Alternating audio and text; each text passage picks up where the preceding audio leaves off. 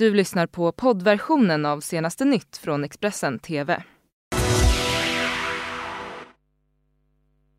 Här är morgonens rubriker i Expressen TV. Man med långt straffregister måltavla för explosion i Stockholm igår kväll. Mordet på Olof Palme kan vara löst innan sommaren.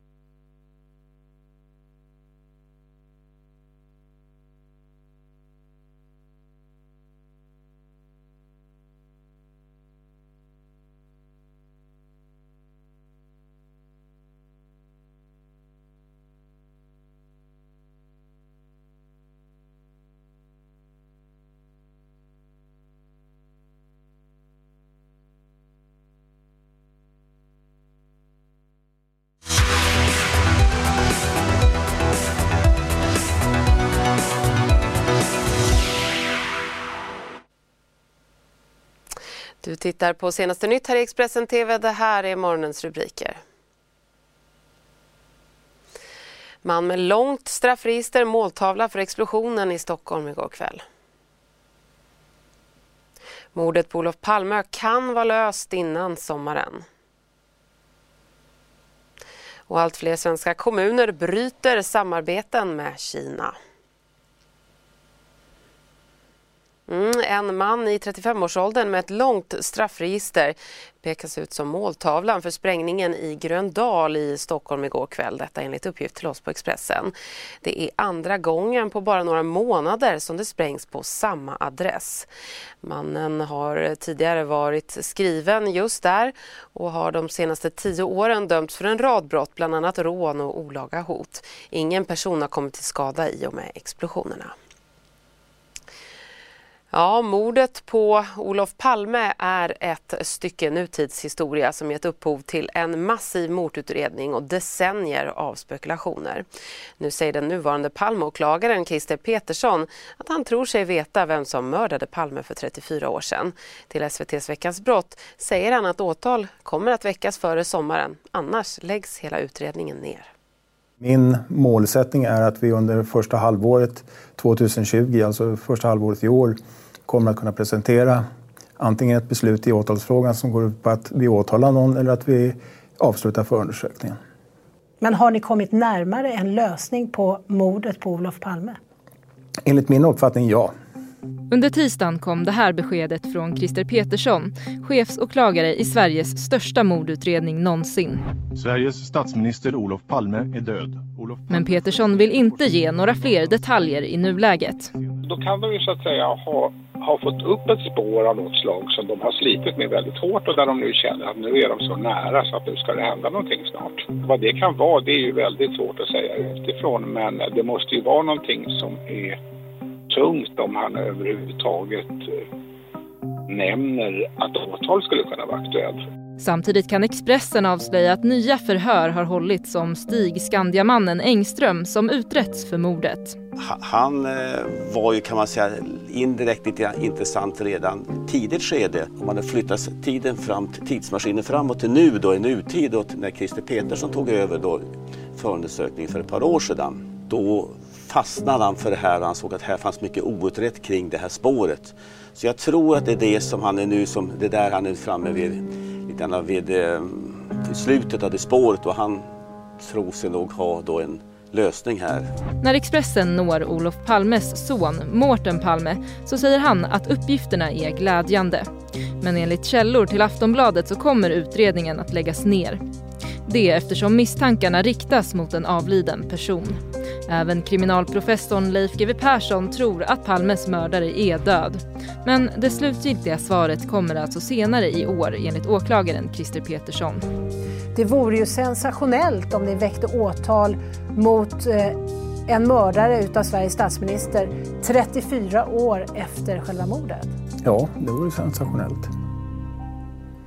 Det får man säga.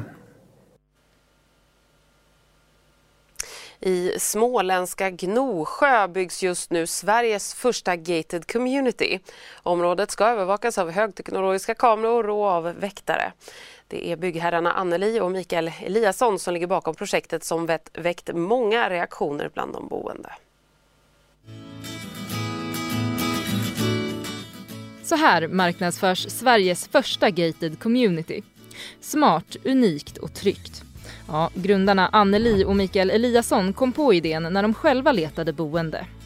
Vi började titta på hela området 2003. Sen var det mycket förberedelser. Sen började vi gräva 2011 och verkställde detta området här. Inflyttningen till Strandudden i Gnosjö kommun är planerad till år 2021 och nio familjer ska skriva på kontrakt inom ett par veckor. Området övervakas av högteknologiska kameror och ska patrulleras av en väktare om nätterna. Det du kallar övervakning kallar vi oftast funktionskamera. De ska göra fler saker. Så det du kallar övervakning kanske då man säger vid entré och sånt är för att öppna nummerplåtar. Eller med läsa av nummerplåtar menar jag på och öppna grindar och sådana saker här. Så det finns mer funktion än bara övervakning. Men vi kommer ha också övervakning på området men det är inte det som är det primära målet. I Gnosjö uppger 7,4 procent av invånarna att de varit utsatta för brott de senaste tre åren i en undersökning av Brottsförebyggande rådet från 2017. Det är den lägsta siffran bland alla kommuner i Sverige. Vänsterpartiets ledamot i kommunstyrelsen, Anna-Karin Ramnemo, är kritisk mot att bygga ett bostadsområde innanför murar. Man väljer vilka som ska bo där, man väljer Eh, Eh, till exempel utifrån kapital eller ja, det kan vara många andra olika saker man väljer utifrån. Rädsla eh, skapar bara större otrygghet därför att då lär man inte känna människor och det spär på fördomar. Ulrika Elmersson och Johan Helgesson är två av dem som anmält sitt intresse för att bo i det nya grindsamhället. Nej, men jag vill flytta hit för eh, dels när man bara ser naturen. Det är så fantastiskt eh, härligt. Svensk, bästa sidan av Sverige. Eh, sen eh, den höga tekniknivån. Och hur ser ni på att eh, inga obehöriga kommer att kunna vara här på området utan liksom, er tillåtelse? Eh, det har jag inte reflekterat så mycket över. Kan det inte bidra till segregation på något vis då? Att ha ett område som är till för bara er? En tolkningsfråga. Vi ser mer integration. Alla här inne kommer lära känna varandra på något sätt. Och man får möjlighet att ta del av saker som inte kanske finns överallt annars. Så att, eh, det finns alltid de som tolkar som segregation, men vi gör inte det. Vi väljer att se möjlighet istället. Här. Fem svenska kommuner och regioner har valt att avsluta samarbeten med Kina, det rapporterar Dagens Samhälle. Linköping, Västerås, Åmål, Borlänge och Dalarna är de som har avslutat sina officiella kontakter med landet. Vi bryter alla våra politiska kontakter med Kina. Det beror på hoten som kinesiska ambassaden har riktat mot den svenska regeringen, säger ordföranden i Linköpings kommunfullmäktige Lars Vikinge. Samtidigt som 132 personer dött till följd av coronaviruset bara under det senaste dygnet så säger kinesiska hälsovårdsmyndigheten att allt färre personer insjuknar och att det tyder på att spridningen är under kontroll. WHO hävdar dock att det är för tidigt att dra sådana slutsatser. FNs generalsekreterare Antonio Guterres säger i en intervju med nyhetsbyrån AP att FN har god beredskap ifall viruset skulle nå fattiga länder med svag sjukdom. Med svag sjukdom. I don't think it's spiraling out of control. I think it's a massive problem, uh, a massive problem that uh, has required uh, from China a massive response. Uh, um, I hope that uh, the, this will be possible to be contained uh, in China and then to reduce. And I hope that um, when it spreads around the world, um, it, it, does so in a limited way. Our main concern, I have to say, is in relation to countries that have very weak health services. And uh, so I think a particular attention should be uh, put into uh, helping, if necessary, for instance, African countries, if all of a sudden we see um, the, the virus uh, spreading, uh, uh, as I said, in countries with less capacity in their health services. That would require a lot of international solidarity, which I hope will not be missing if necessary. But for the moment, as I said, it's not out of control, but it is a very dangerous situation, and the, the risks are enormous, uh, and we need to be prepared worldwide for that. Well, the World Health Organization has uh, been quite active and quite active globally and uh, trying even to help those countries that could be more vulnerable in relation to this situation. We have mobilized other UN agencies to be uh, ready to do whatever is necessary. Uh, as I said, it's a very serious problem, but I hope it will not uh, uh, become a pandemic out of control in the world. Fyra personer har omkommit efter en flygplanskrasch i Mangalore norr om Melbourne i Australien. Det här rapporterar ABC News. Omständigheterna kring olyckan utreds fortfarande men polisen tror att de två flygplanen av mindre modell har krockat uppe i luften. Så Sverige igen. Vänsterpartiet öppnar nu för att gå med i energiöverenskommelsen.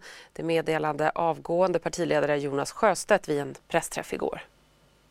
Ja, det är att vi vill minska klimatutsläppen. Vi vill hjälpa stora industrier som idag släpper ut jättemycket växthusgaser att ställa om till eldrift.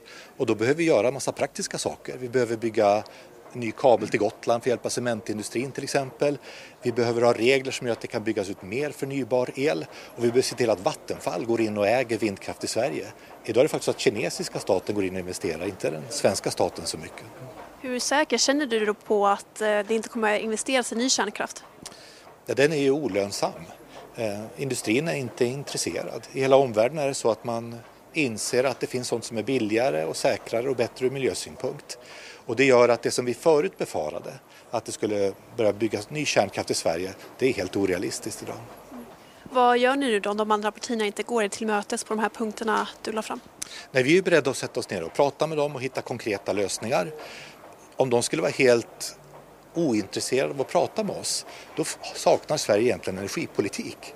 Och det skulle vara väldigt dåligt. Dåligt för industrin, dåligt för klimatutsläppen, att man inte vet vad som gäller. Och därför räknar jag med att de är förnuftiga och, och pratar med oss. Finns det några punkter ni kan kompromissa med känner du? Vi kan gärna diskutera hur vi gör. Det är därför vi inte har låst oss vid vissa modeller. Men att landsbygden ska vara vinnare, att man ska bygga en ny elkabel till Gotland och att Vattenfall ska gå in och vara en större aktör, det är våra krav. Två deltagare i årets Big Brother har stängts av från programmet efter antisemitiska uttalanden. Två programledare har hoppat av i protest mot en deltagares bakgrund i vitmattrörelsen och nu kräver tittare att eh, Patrik Patsy Svensson kastas ut från huset efter att ha hotat att våldta en annan deltagare. Det har varit en kaosartad vecka för Big Brother. Deltagarna Isabel Pereira och Kim Kamal sparkades från programmet efter att ha gjort kränkande uttalanden. För han var så här jättesnäll och han förstod mig. Och, eh, men hon, hon, var, hon var jude. så jag fattar. Jag hatar eh, judar. Och nu har även två av programledarna hoppat av i protest mot deltagaren Sami Jakobssons högerextrema bakgrund. Så sent som i höstas visade deltagaren upp bilder på sig själv i sociala medier med nazistsymboler tatuerade på kroppen. Jakobssons medverkan har sedan ifrågasatts av Judiska centralrådet och samtidigt har Jakobsson sagt att han har lagt den perioden med högerextrema miljöer bakom sig. Nu har ännu en deltagare kritiserats. Deltagaren ska vid flera tillfällen ha gjort grova uttalanden om våldtäkt i ett klipp som sprids i sociala medier visas deltagaren när han säger att han ska våldta en ny deltagare under natten. TV4 kallar deltagarens uttalanden för olämpliga skämt. Och Anders Edholm, pressansvarig för Big Brother, säger att deltagaren också blev varnad för detta. Men enligt TV4 kommer deltagaren att få vara kvar i Big Brother. På tisdag är det fettisdagen och detta uppmärksammades stort redan igår eh, med världens största semla.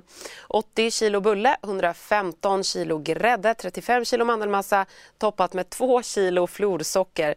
Ja, det kan världsrekordet stoltsera med och eh, vår reporter Elin Jönsson var på plats i Stockholm när jättesemlan rullades fram med hjälp av en truck. Det förra rekordet var på 20 kilo semla men den här den är på hela 300 kilo semla. Helt enkelt för att man inte riktigt var säker på hur, det, hur mycket det förra världsrekordet var på. Så man tog i med allt man hade, man tänkte hur stor är våran truck som kan köra hit semlan? Då kör vi enligt de måtten och därav den här extremt stora semlan. Och helt enkelt betygen som de får det här av de som smakar semlan här omkring är att den smakar som det ska helt enkelt även fast det är så himla mycket bröd och grädde. Men vi har pratat med en av bagarna som säger att man har helt enkelt, det är det som har till svåra helt, svåra helt enkelt, man har fått prova sig fram. Ja, det blev ett världsrekord. Fantastiskt! Äntligen! Och har ni några anekdoter? Är det något som har gått fel eller inte enligt plan enligt hela den här processen? Ja, alltså innan det så har det ju varit mycket saker. Vi, vi började ju provbaka på vårt stålverk i Söderfors. Eh, och eh, fick ju ganska bra bullar där men eh, sen till slut så kom Guinness rekordbok och sa nej, där kan ni inte baka den. Det måste vara i ett bageri. Så då fick vi riva upp planen och göra om och bygga om ugnar och så på bageriet då, i Huddinge. Berätta mer om semlan. Hur mycket innehåller den av varje ingrediens? Ja, det är alldeles för mycket kalorier i alla fall, den saken är säker. eh, men bullen är ungefär 80 kilo. Eh, grädden är 115 kilo. Eh, mandelmassan 35 kilo och så florsocker 2 kilo. Så det är runda slänga 300 kilo semla som vi tittar på. Och det är det som själva världsrekordet består av, hur stor den är i massa totalt? Ja, det är vikten framförallt eh, och att man ska kunna äta den. Och man kan äta hela semlan. Den är riktigt god, den är bakad på smör, den är, det är riktig mandel i och så vidare. Ja, precis. När den är så här himla stor, hur får man till den goda smaken då med andel bröd och grädde till exempel? Ja, det var, det, det, det var det absolut svåraste. Det var eh, det som tog mest tid att, att få fram bullen så att den inte skulle bli kompa för kompakt eller för eh, platt och så vidare. Liksom. Du har lyssnat på poddversionen av senaste nytt från Expressen TV. Till förordnad ansvarig utgivare är Klas Granström. Ett poddtips från Podplay. I podden Något Kaiko garanterar östgötarna Brutti och jag, Davva, dig en stor dos skratt. Där följer jag pladask för köttätandet igen. Man är lite som en jävla vampyr. Man har fått lite blodsmak och då måste man ha mer. Udda spaningar, fängslande anekdoter och en och annan arg rant. Jag måste ha mitt kaffe på morgonen för annars är jag ingen trevlig människa. Då är du ingen trevlig människa, punkt. Något Kaiko, hör du på Podplay. Därför arkadeinerna.